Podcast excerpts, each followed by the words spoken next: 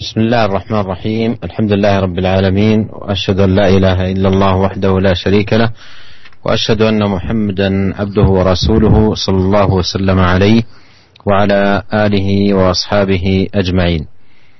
أما بعد لا نزال أيها الإخوة المستمعون في باب الأمر بالمحافظة على السنة وآدابها.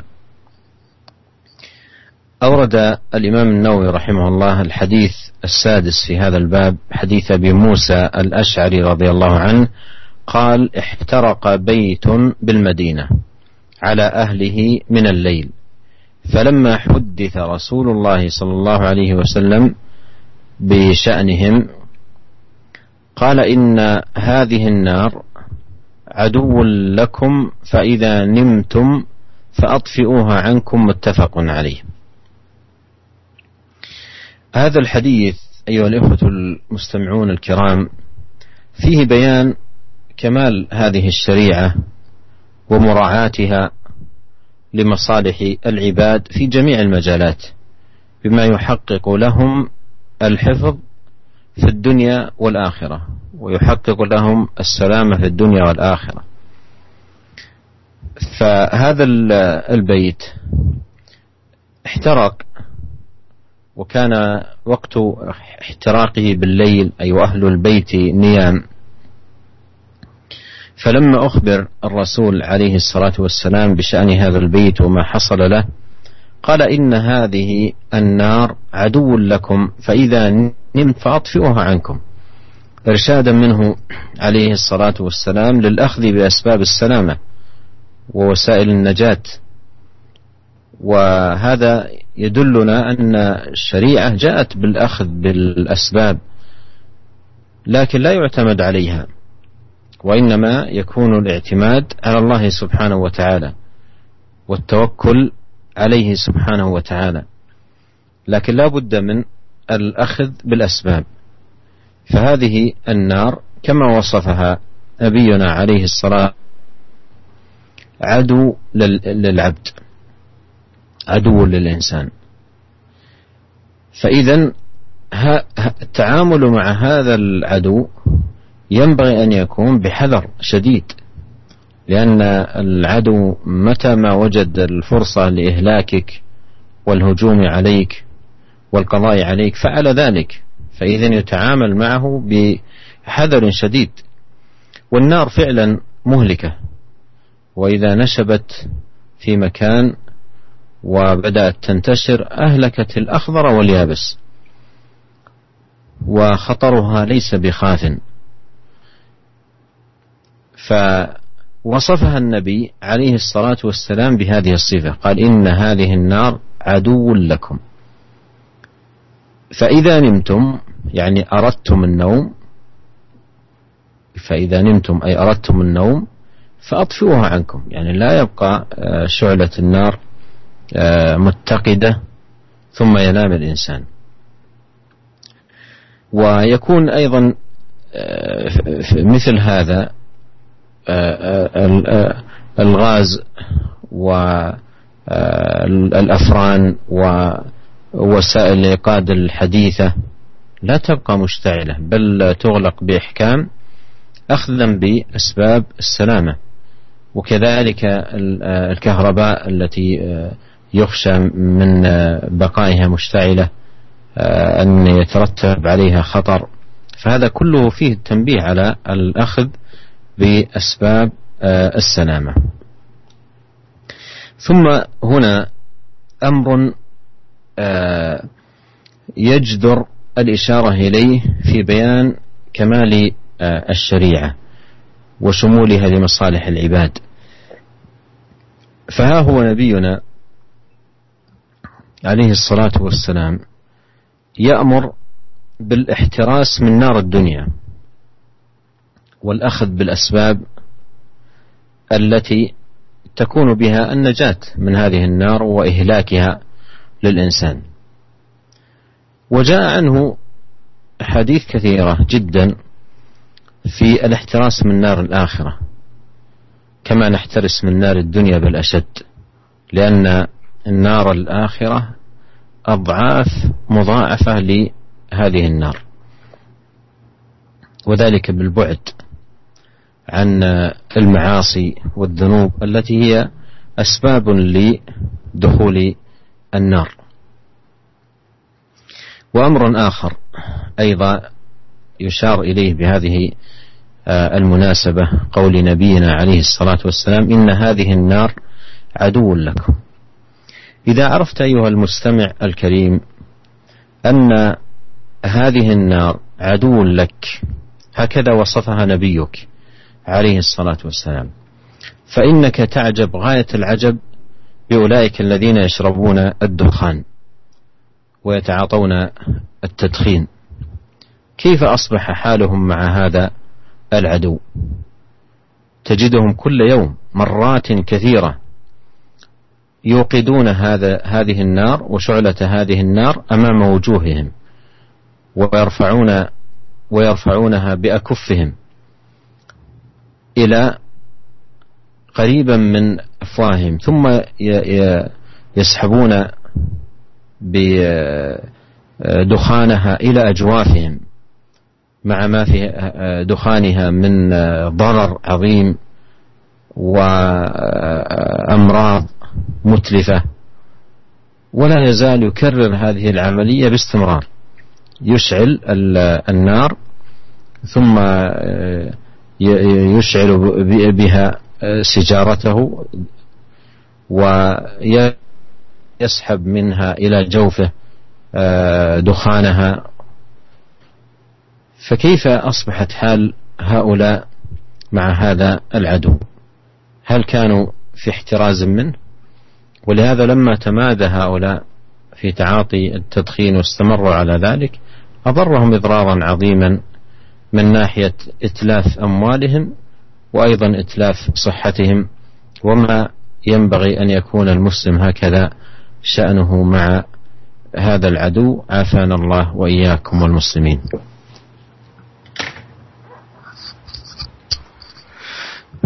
Bismillahirrahmanirrahim. Alhamdulillah segala puji dan syukur kita panjatkan kehadirat Allah Subhanahu wa taala. Semoga salawat dan salam senantiasa tercurahkan kepada suri teladan kita junjungan kita Nabi Muhammad sallallahu alaihi wasallam dan keluarganya serta seluruh sahabat beliau tanpa terkecuali. Para pendengar yang dirahmati oleh Allah Subhanahu wa taala, kita masih uh, dalam bab yang sama, babul amr bil muhafazati ala sunnah wa adabiha, yaitu bab tentang menjaga sunnah Nabi Shallallahu Alaihi Wasallam dan menjaga adab-adab uh, terhadap sunnah-sunnah Nabi Shallallahu Alaihi Wasallam. Dan Al Imam Nawawi rahimahullah membawakan hadis yang keenam dari Abi Musa, sahabat Abu Musa al Ashari radhiyallahu taala anhu, di mana beliau uh, berkata, "Ihtaraqa baitun bil Madinah ala ahlihi min al-lail." Ada sebuah rumah yang terbakar uh, di malam hari, ya falamma hudditha Rasulullah sallallahu alaihi wasallam bi sya'nihim tatkala uh, Rasulullah wasallam dikabarkan tentang kondisi penghuni rumah yang di mana rumah mereka terbakar. Maka Nabi sallallahu alaihi wasallam berkata inna hadhihi nar aduun lakum. Sungguhnya api merupakan musuh kalian. Fa idza nimtum fa'atfi'uha ankum. Jika kalian hendak tidur maka uh, matikanlah api tersebut. Hadis ini hadis yang sahih yang diriwayatkan oleh Imam, Imam Al-Bukhari dan Al-Imam Muslim dalam sahih mereka.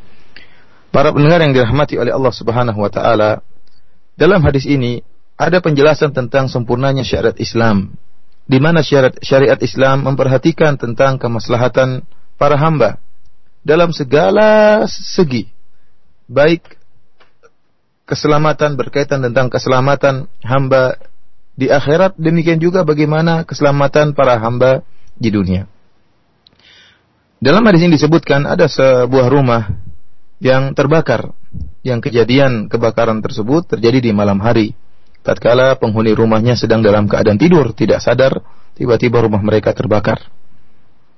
Tatkala Nabi Shallallahu Alaihi Wasallam dikabarkan tentang apa yang terjadi, terjadinya kebakaran, maka Nabi Shallallahu Alaihi Wasallam berkata, Inna hadhihi nar adu lakum. Sungguhnya api merupakan musuh kalian. Api yang telah membakar rumah kalian merupakan musuh kalian. Fa idza nimtum fa'atfi'uha ankum. Jika kalian tidur, maka matikanlah api tersebut. Ini merupakan pengarahan dari Nabi Shallallahu alaihi wasallam agar kita mengambil sebab yaitu ikhtiar berusaha mengambil sebab-sebab yang bisa mendatangkan keselamatan dan wasilah-wasilah sarana-sarana yang bisa mendatangkan keselamatan. Ya. Oleh karenanya, sabda Nabi Shallallahu Alaihi Wasallam ini menunjukkan bahwasanya syariat, ya, syariat Islam mendorong kita, memotivasi kita untuk uh, mengambil sebab dalam meraih keselamatan. Akan tapi tidak boleh kita bersandar kepada sebab. Kita hanya bersandar kepada Allah Subhanahu wa taala karena yang menentukan selamat atau tidak hanyalah Allah Subhanahu wa taala. Akan tapi kita harus mengambil sebab. Kita harus berusaha. Ya, kita harus berusaha dan kita serahkan keberhasilan usaha kita kepada Allah Subhanahu wa taala. Tatkala Nabi Shallallahu alaihi wasallam berkata, "Inna hadhihi nar adu lakum." Sungguhnya api merupakan musuh dari musuh kalian. Itu musuh manusia. Tatkala Nabi Shallallahu alaihi wasallam menyatakan api merupakan musuh, oleh karenanya sikap kita menghadap api, ya, menghadap orang musuh kalau kita punya musuh, kita bersikap terhadap musuh tersebut dengan penuh kehati-hatian. Ya, karena namanya musuh, kapan saja dia mendapatkan kesempatan untuk mencelakakan kita, maka akan dia lakukan. Itu namanya musuh, berusaha mencari-cari celah dan kesempatan untuk mencelakakan kita. Oleh karenanya, api pun demikian. Api sungguh-sungguh benar-benar dia bisa membinasakan. Kalau sempat api itu nyala dan tidak bisa terkontrol, ya maka api tersebut akan menghabisi, akan memakan seluruhnya. Semuanya akan dimakan. Baik benda-benda yang kering maupun benda-benda yang basah ya dan semuanya tidak kita, kita semua tahu akan hal ini. Jika api sudah menyala maka dia akan menghabisi memakan semuanya. Ya, tidak bisa kita kontrol. Oleh karenanya Nabi Shallallahu Alaihi Wasallam mengingatkan bahwasanya api merupakan musuh kalian, harus disikapi dengan baik, ditempatkan pada tempatnya. Kemudian Nabi Shallallahu Alaihi Wasallam mengatakan, wa idha nimtum, fa idha nimtum. Jika kalian tidur, artinya jika kalian hendak tidur, ya, faatfi'uha angkum, maka matikanlah api tersebut. Artinya apa? Jangan sampai kalian membiarkan ada nyala api yang masih menyala. Ya, matikan api. Ya. Terutama jika seorang hendak tidur. Ya, harus dia cek dahulu apakah masih ada api yang menyala atau tidak. Jika masih ada api yang menyala, maka dia matikan. Demikian pula misalnya kompor kompor gas ya atau kompor listrik. Pokoknya yang semisal seperti ini, terutama uh, di zaman kita sekarang ini kalau zaman dahulu tentunya kayu bakar ya. Kayu yang dibakar sekarang enggak, sekarang seperti kompor gas atau kompor listrik atau kompor minyak ya. Seluruhnya ini harus ditutup ya. Kompor gas misalnya ditutup dengan baik. Jangan sampai di, ada gas yang bocor ya karena bisa berbahaya. Demikian juga listrik, ya listrik yang kalau dikhawatirkan jalan terus bisa menimbulkan bahaya maka kita matikan, ya karena e, kita khawatirkan kalau sudah sampai timbul nyala api, ya seperti listrik bisa menimbulkan api, gas juga bisa menimbulkan api, maka akan menimbulkan bahaya yang besar. Kemudian para pendengar yang dirahmati oleh Allah Subhanahu Wa Taala, ada perkara yang e, baik untuk di, diingatkan. Syekh mengingatkan kepada kita merupakan perkara yang harus kita ingat dengan benar-benar ya untuk menunjukkan bagaimana sempurnanya syariat Islam dan bagaimana syariat Islam ini mencakup seluruh kemaslahatan hamba, memperhatikan seluruh kemaslahatan hamba baik di dunia maupun di akhirat. Lihatlah dalam hadis ini Nabi Shallallahu alaihi wasallam memerintahkan kita untuk berhati-hati dengan api dunia. Dan Nabi Shallallahu alaihi wasallam memerintahkan kita untuk berusaha mengambil sebab, berikhtiar untuk bisa menghindarkan diri kita dari api dunia. Ternyata banyak hadis dan banyak arahan dari Nabi Shallallahu Alaihi Wasallam agar kita juga berhati-hati dari api neraka. Kalau api dunia yang panasnya sudah sedemikian rupa harus kita jauhi, bagaimana pula dengan api neraka, api akhirat yang panasnya berlipat-lipat ganda dari api dunia. Nabi Shallallahu Alaihi Wasallam dalam banyak hadis memerintahkan kita untuk mengambil sebab agar kita bisa menjauhkan diri kita dari api neraka. Dan di antara sebab utama agar menjauhkan kita dari neraka jahanam, neraka akhirat adalah dengan menjauhkan diri kita dari perbuatan-perbuatan kemaksiatan. Karena neraka jahanam ya berlipat-lipat ganda panasnya daripada neraka dunia. Perkara berikutnya yang perlu kita perhatikan pula, ya, Tatkala Nabi Shallallahu Alaihi Wasallam mengatakan Inna hadhihi nar adu lakum. Sungguhnya api ini merupakan musuh kalian. Demikian Nabi Shallallahu Alaihi Wasallam mensifati api. Nabi mengatakan api merupakan musuh. Maka sungguh menakjubkan dan sungguh mengherankan kita mendapati sebagian kaum muslimin yang mereka ya mengisap rokok. Bagaimana mereka begitu bersahabat dengan api? Mereka nyalakan api, mereka angkat api tersebut, kemudian dinyalakan api tersebut, ya, rokoknya diangkat tangannya, kemudian dinyalakan api tersebut, dekat sekali dengan wajah mereka, ya. Kemudian mereka pun mengisap, ya, asap dari api tersebut dan dimasukkan dalam rongga tubuh mereka. Ini dikerjakan tiap hari. Ya, api jadi sahabatnya. Api jadi sahabatnya, bukan musuh tapi jadi sahabat. Dan terus dilakukan setiap hari. Bahkan dalam satu hari berulang-ulang dia lakukan. Memasukkan asap dari api tersebut ke dalam tubuhnya. Oleh karena kita bertanya kepada seorang muslim, tidak pantas bagi seorang muslim menjadikan api yang dikatakan oleh Nabi SAW sebagai sahabat kemudian eh, sebagai musuh kemudian dijadikan sahabatnya bahkan dihirup asapnya ke dalam tubuhnya. Ya. Terlebih-lebih lagi, ya api ini memang musuh. Api rokok memang musuh. Ya, buktinya merusak tubuh. Ya, merusak kemaslahatan tubuh dan juga merusak kemaslahatan harta. Banyak harta yang dihabiskan untuk menyalakan api ini dan juga betapa banyak tubuh yang menjadi rusak gara-gara disebabkan uh, api rokok tersebut. Oleh karena seorang muslim hendaknya menjauhkan dirinya dari perbuatan tersebut, menjauhkan dirinya dari kebiasaan uh, merokok. ثم أورد رحمه الله تعالى حديث أبي موسى الأشعري رضي الله عنه أن النبي صلى الله عليه وسلم قال إن مثل ما بعثني الله به من الهدى والعلم كمثل غيث أصاب أرضا فكانت منها طائفة طيبة قبلت الماء فأنبتت الكلأ والعشب الكثير وكان منها أجادب أمسكت الماء فنفع الله بها الناس فشربوا منها وسقوا وزرعوا. وأصاب طائفة منها أخرى إنما هي قيعان لا تمسك ماء ولا تنبت كلأ. فذلك مثل من فقه في دين الله ونفعه بما بعثني الله به فعلم وعلم. ومثل من لم يرفع بذلك رأسا ولم يقبل هدى الله الذي أرسلت به آه، متفق عليه. قال فقه بضم القاف المشهور وقيل بكسرها أي صار فقيها. هذا الحديث حديث أبي موسى الأشعري حديث عظيم في بابه عناية بالسنة ومحافظة عليها واهتماما بها. وذكر أن حال الناس مع السنة ينقسمون إلى ثلاثة أقسام. بعد أن أخبر أن مثل السنة والهدي الذي بعث به مثل الغيث. ومن ومن المعلوم أن الغيث إذا نزل على الأرض فالأرض ليست على آه، قدر واحد في استفادتها من الماء بل هي آه، متفاوتة. منها كما أخبر عليه الصلاة والسلام أرض نقية أو طيبة. فهذه الأرض الطيبة من شأنها أنها تقبل الماء وأيضا تنبت الكلى والعشب.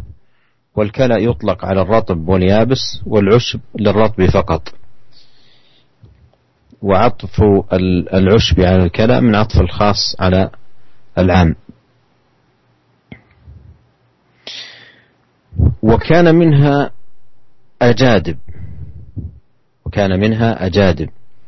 أي أرض صلبة. متماسكة. لكن هذه الأرض التي بهذا بهذه الصفة مفيدة من ناحية أنها تمسك الماء وتحفظ الماء. فالناس تستفيد منها. ويشربون ويسكون زروعهم وتأتي الطير والأغنام وغيرها وتشرب فإذا في فائدة من هذه التي تمسك آه، الماء. وأرض ثالثة إنما هي قيعان والقيعان هي الأرض المستوية آه، الملساء التي لا تنبت ولا تحفظ الماء. الماء ينحدر منها ولا تحفظه ولا هي أيضا تستفيد منه. قال لا تمسك ماء ولا تنبت كلاء قال فذلك مثل من فقه في دين الله ونفعه ما بعثني الله به فعلم وعلم. فالناس منهم من منهم من هو في السنة عنده الرواية والدراية عنده آه، العلم والفهم. وقسم آخر عنده الرواية يحفظ الأحاديث ولكن آه، فهمه آه، لمعانيها ليس بالقوة التي عليها الأول. فيستفيد منه الناس. عندما ينقل لهم النصوص أحاديث الرسول عليه الصلاة والسلام بنصها وألفاظها فيكون حفظ للناس الأحاديث.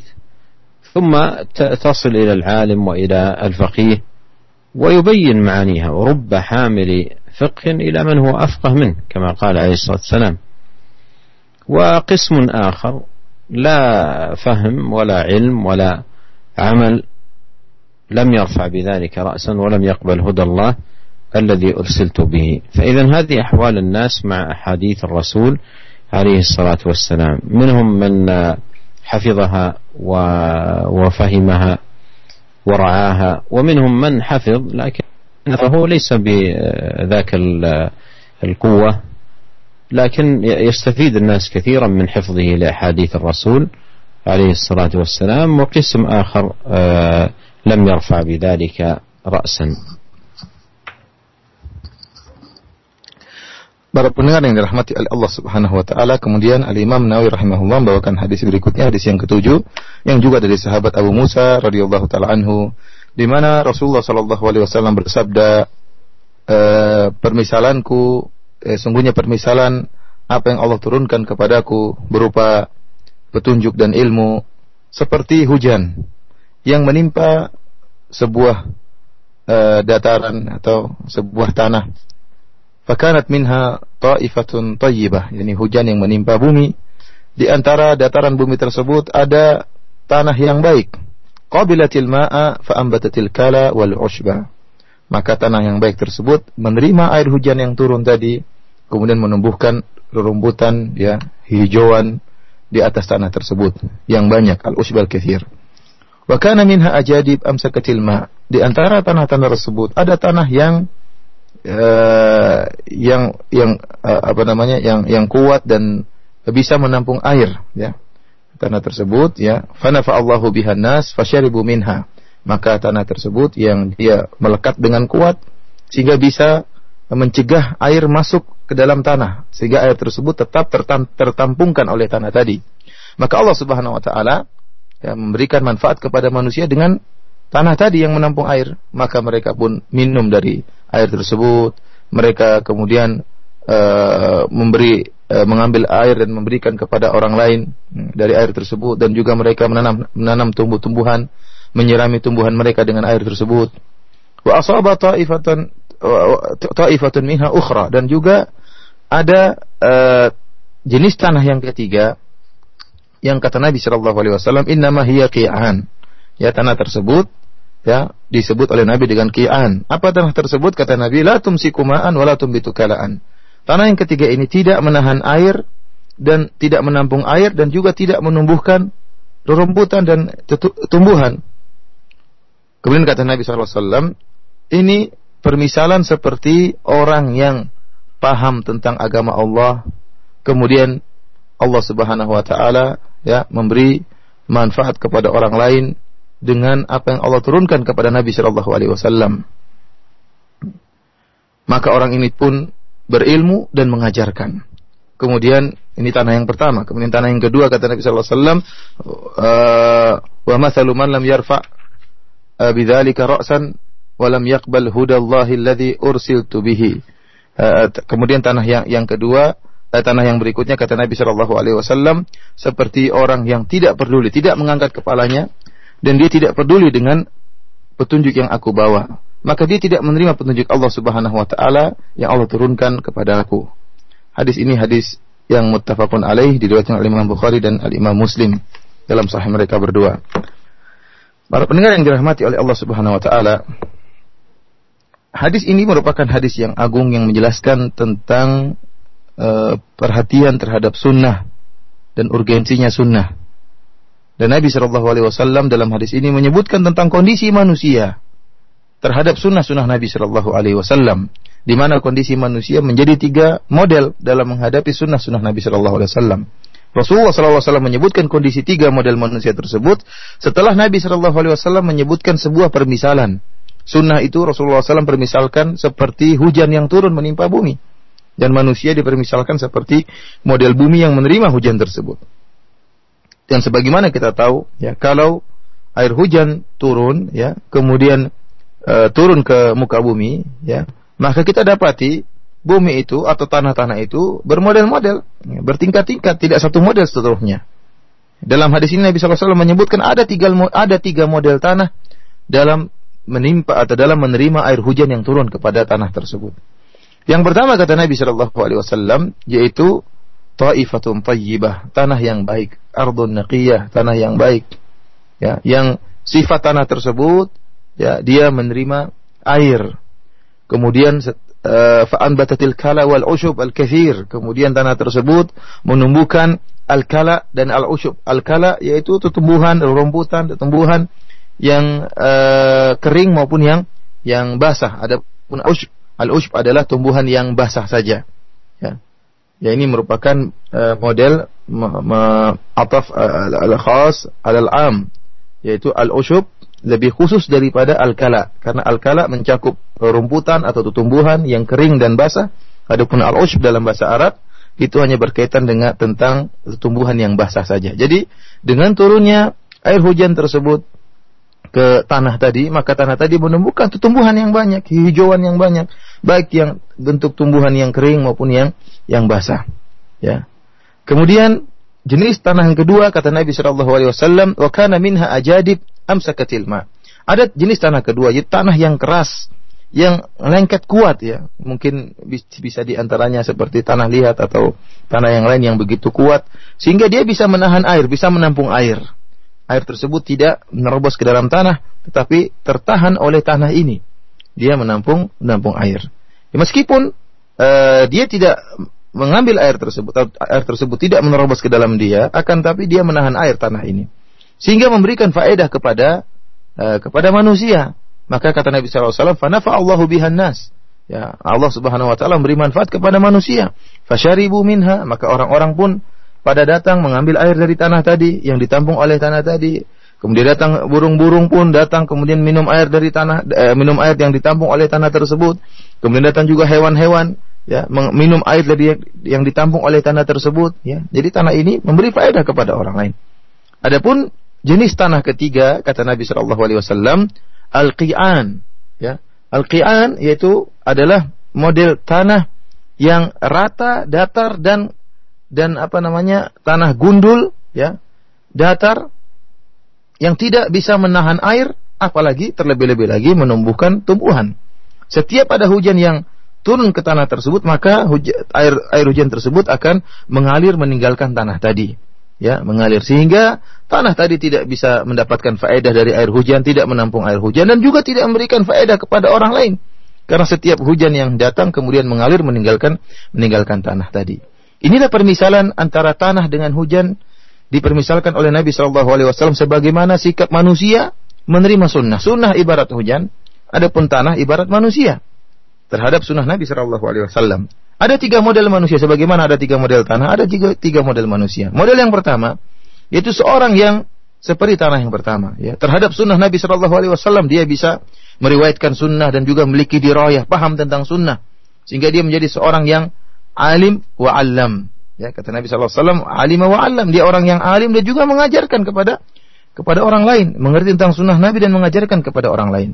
Adapun jenis yang kedua, tanah seperti tadi tanah yang keras dan namun dia bisa menampung air. Ini seperti seorang yang dia hafal hadis, dia pandai dalam meriwayatkan hadis, akan tapi pemahamannya tidak sekuat pemahaman kelompok manusia yang pertama. Yang pertama tadi sudah hafal hadis, kemudian paham tentang fikih hadis tersebut, tentang maksud dari hadis tersebut sehingga dia bisa menyampaikan kepada orang lain lafal hadis dan maksud hadis tersebut. Adapun jenis kedua yaitu orang-orang yang mereka hafalannya menghafalkan hadis-hadis Nabi Shallallahu Alaihi Wasallam ibarat tanah yang bisa menampung air akan tapi tidak bisa menumbuhkan tanah. Akan tapi hal ini memberi faedah kepada orang lain sehingga akhirnya mereka meriwayatkan hadis-hadis tersebut sesuai dengan lafal yang dilafalkan oleh Nabi Shallallahu Alaihi Wasallam sehingga sampailah hadis-hadis tersebut kepada orang-orang alim, orang-orang yang fakih, kemudian mereka pun menjelaskan maksud daripada hadis tersebut. Inilah yang diisyaratkan oleh Nabi Shallallahu Alaihi Wasallam dalam satu hadis yang lain kata Nabi Shallallahu Alaihi fiqhin ilaman hu afqahu minhu. Betapa banyak orang yang yang meriwayatkan hadis dan dia meriwayatkan kepada yang lebih paham tentang isi hadis tersebut. Ya.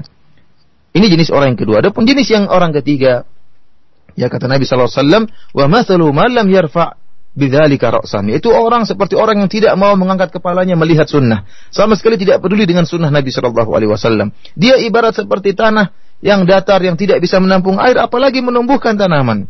Dia sendiri tidak mendapatkan faedah, apalagi memberi faedah kepada orang lain. Inilah kondisi manusia eh, di hadapan sunnah Nabi Shallallahu Alaihi Wasallam. Ada tiga model.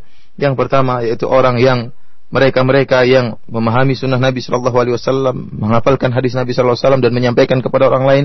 Jenis kedua yaitu orang-orang yang mereka meriwayatkan hadis-hadis Nabi akan tapi kurang paham pemahaman mereka, kurang mantap terhadap sunnah-sunnah Nabi, tidak sebagaimana pemahaman kelompok yang pertama dan kelompok yang ketiga itu orang-orang yang tidak peduli dengan sunnah Nabi Shallallahu Alaihi Wasallam. Datang sunnah Nabi, datang penjelasan Nabi, dia tidak menerima, ya apalagi beri faedah kepada orang lain. ثم أورد رحمه الله تعالى حديث جابر بن عبد الله رضي الله عنهما. قال قال رسول الله صلى الله عليه وسلم مثلي ومثلكم كمثل رجل أوقد نارا فجعل الجنادب والفراش يقعن فيها وهو يذبهن عنها وأنا آخذ بحجزكم عن النار. وأنتم تفلتون من يدي رواه مسلم. قال الجنادب نحو الجراد والفراش. هذا هو المعروف الذي يقع في النار. والحجز جمع حجزة وهي معقد الإزار والسراويل. هذا الحديث فيه عظم نصح النبي الكريم عليه الصلاة والسلام لأمته. وشدة حرصه صلوات الله وسلامه عليهم وعلى حماية أمته من النار وتجنيبهم الأسباب التي تفضي بالإنسان لدخولها. فهو عليه الصلاة والسلام مثله كما جاء في هذا الحديث مثل رجل أوقد نارا فجعل الجنادب والفراش يقعن فيها. وهذا شيء نراه عندما توقد النار.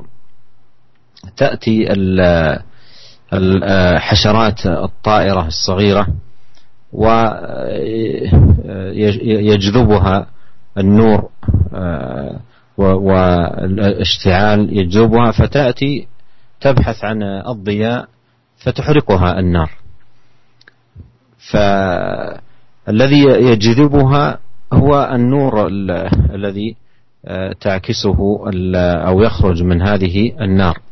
فيعجبها آه، ظاهر هذا النور وتأتي مسرعة إليه إلى هذا النور تبحث عن النور والضياء فتكون هلكتها في تلك النار. مثلها تماما هؤلاء الذين يقعون في المعاصي والذنوب. تستهويهم آه، آه، يستهويهم ظاهر هذه الذنوب وما فيها من آه، تحقيق لشهوات النفس ونيل رغباتها ونزواتها. ويمضي في ذلك إلى أن يجد نفسه آه، عمل أعمالا أوقعته في النار فشأنه كشأن الفراشة. قال وهو يذبهن عنها. وهو يذبهن عنها أي يرد هذه الفراشات آه، والحشرات عن النار. وأنا آخذ بحجزكم عن النار. وأنا آخذ بحجزكم عن النار. وأنتم تفلتون من يدي. فهو عليه الصلاة والسلام حريص على المسلم أن يبتعد عن النار وعن أسباب دخولها. والناس يتفلتون من يده كل يدخل في أمور فيها تجاوز وتعدي وأسباب تفضي به إلى النار. لكن لو أمسك نفسه وزمها بزمام السنة لنجا من هذه النار ومن هذه الهلكة. فهذا حديث عظيم في بيان نصح النبي عليه الصلاة والسلام لأمته وحرصه عليهم وأنه فعلا صلوات الله والسلام عليه أولى بأمته منهم كما قال الله عز وجل النبي أولى بالمؤمنين من أنفسهم. فهذا كله مما يبين أهمية الاستمساك بالسنة والمحافظة عليها والعناية بها. ونسأل الله عز وجل أن يوفقنا جميعا للتمسك بسنة نبينا عليه الصلاة والسلام ولزوم هديه القويم وصراطه المستقيم. إنه سميع قريب مجيب Uh, para pendengar yang dirahmati oleh Allah Subhanahu wa taala, kemudian uh, Al-Imam Nawawi rahimahullah membawakan hadis yang ke-8 dari sahabat Jabir bin Abdullah radhiyallahu taala anhu di mana beliau berkata Rasulullah sallallahu alaihi wasallam bersabda, "Mathali wa mathalukum kamathil rajulin awqada naran." Permisalanku, perumpamaanku dengan kalian sebagaimana perumpamaan seorang yang menyalakan api. Faja'ala al-janadibu rasyu yaqa'na fiha. Maka datanglah serangga-serangga ya atau hewan hewan-hewan kecil semacam uh, laron ya datang mendekati api tersebut kemudian jatuh dalam api tersebut Wahwa yadhubbuhunna anha. Sementara lelaki yang menyalakan api ini mengusir laron-laron tadi agar menjauh dari api tersebut yang dia nyalakan. Kata Nabi Shallallahu Alaihi Wasallam, wa ana akhidun bihujazikum anin nar wa antum tafallatuna min yadayya. Sementara saya, kata Nabi Shallallahu Alaihi Wasallam, saya berusaha memegang, memegang pinggang kalian, menahan kalian agar menjauh dari neraka, sementara kalian terlepas dari genggamanku, kemudian kalian pun masuk Eh, ke dalam neraka tersebut. Para pendengar yang dirahmati oleh Allah Subhanahu wa taala, hadis ini merupakan hadis yang sangat agung yang menjelaskan tentang bagaimana ya bagaimana sikap Nabi Shallallahu alaihi wasallam yang sangat sayang kepada umatnya, yang sangat semangat untuk mencegah umatnya dan menjaga umatnya agar tidak terjerumus dalam api neraka jahanam. Dan Nabi Shallallahu alaihi wasallam berusaha menjauhkan umatnya dari neraka jahanam. Oleh karenanya Nabi Shallallahu Alaihi Wasallam memisalkan dirinya terhadap kita terhadap umatnya sebagaimana permisalan seorang lelaki yang menyalakan api. Tatkala dia menyalakan api maka datanglah serangga-serangga mendekati api tersebut. Ya, berterbangan burung-burung kecil seperti laron dan sejenisnya kemudian datang mendekati api tersebut. Dan ini bisa kita lihat ya, kita kita bisa pernah melihat kondisi seperti ini. Tatkala kita menyalakan api maka datanglah laron ya atau serangga-serangga yang senang dengan terpedaya dengan cahaya yang keluar dari indahnya api tersebut. Ya, cahaya yang indah yang keluar dari api tersebut. Serangga-serangga tersebut kagum dengan terang, ya, terang dan cahaya, ya, yang merupakan dampak dari api tersebut, sehingga mereka menyangka bahwasanya dalam cahaya tersebut ada ketenangan, ada kebahagiaan, sehingga mereka pun mendatangi cahaya tersebut. Ternyata mereka terjerumus dalam api, serangga-serangga tadi terjerumus dalam api dan akhirnya terbakar dan matilah mereka. Permisalan ini sama persis seperti uh, kemaksiatan. Kemaksiatan merupakan api yang menyala-nyala. Akan tetapi, ya, uh, kemaksiatan tersebut, dosa-dosa tersebut menarik manusia. Ya, karena dengan melakukan kemaksiatan tersebut maka zahirnya orang-orang akan mendapatkan kebahagiaan, bisa memuaskan hawa nafsunya, bisa mendapatkan apa yang mereka uh, inginkan dari syahwat mereka. Padahal jika mereka terus berjalan di atas kemaksiatan tadi, di atas dosa-dosa tadi, maka akhirnya mereka akan terjerumus dalam neraka jahanam.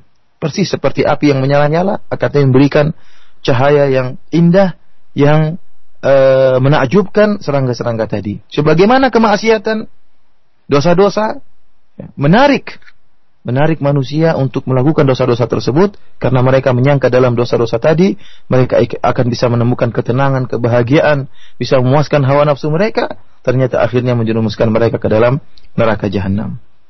Nabi Shallallahu Alaihi Wasallam misalkan dirinya seperti lelaki tadi yang menyalakan api.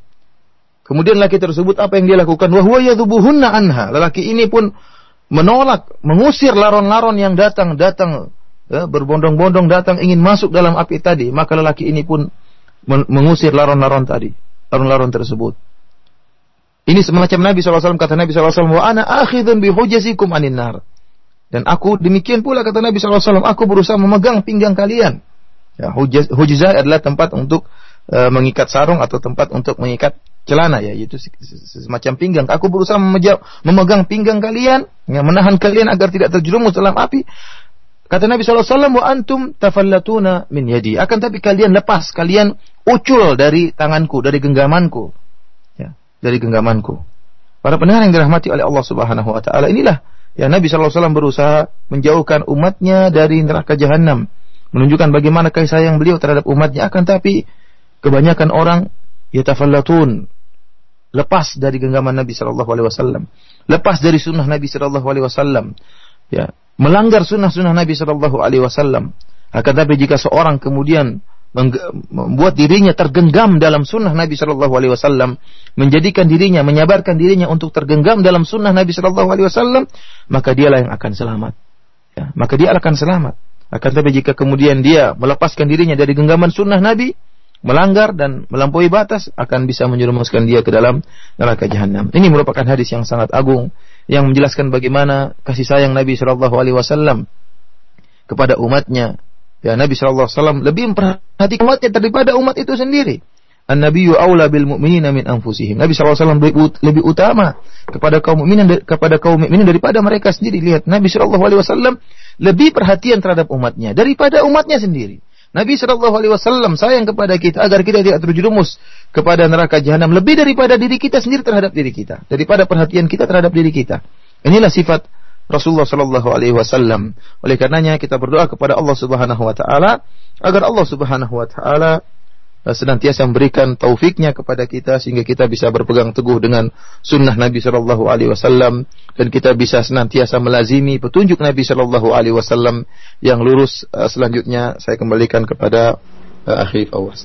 Baik, terima kasih jazakallah khairan ya Syekh atas pembahasan yang penuh manfaat yang telah disampaikan. Juga untuk Ustaz Firanda yang telah menerjemahkan muhadarah yang telah saya sampaikan. Satu pertanyaan yang kami akan angkat dari pendengar kita melalui pesan singkat. Sebelum uh, tiba saatnya kumandang salat uh, maghrib untuk wilayah Jakarta dan sekitarnya. Dari pendengar kita Bapak Andrianto di Jakarta yang bertanya, Ya Syekh terkait dengan pembahasan hadis dari Abi Musa radhiyallahu an yang uh, Syekh sampaikan tadi, bila saja kita kita mematikan lampu-lampu di malam hari ketika tidur, uh, kemudian itu menjadikan pencuri atau yang, yang sejenisnya berani untuk masuk ke dalam rumah kita, maka bolehkah kita untuk tidak mematikan lampu-lampu karena kekhawatiran tersebut ya Syekh? Jazakallah khairan.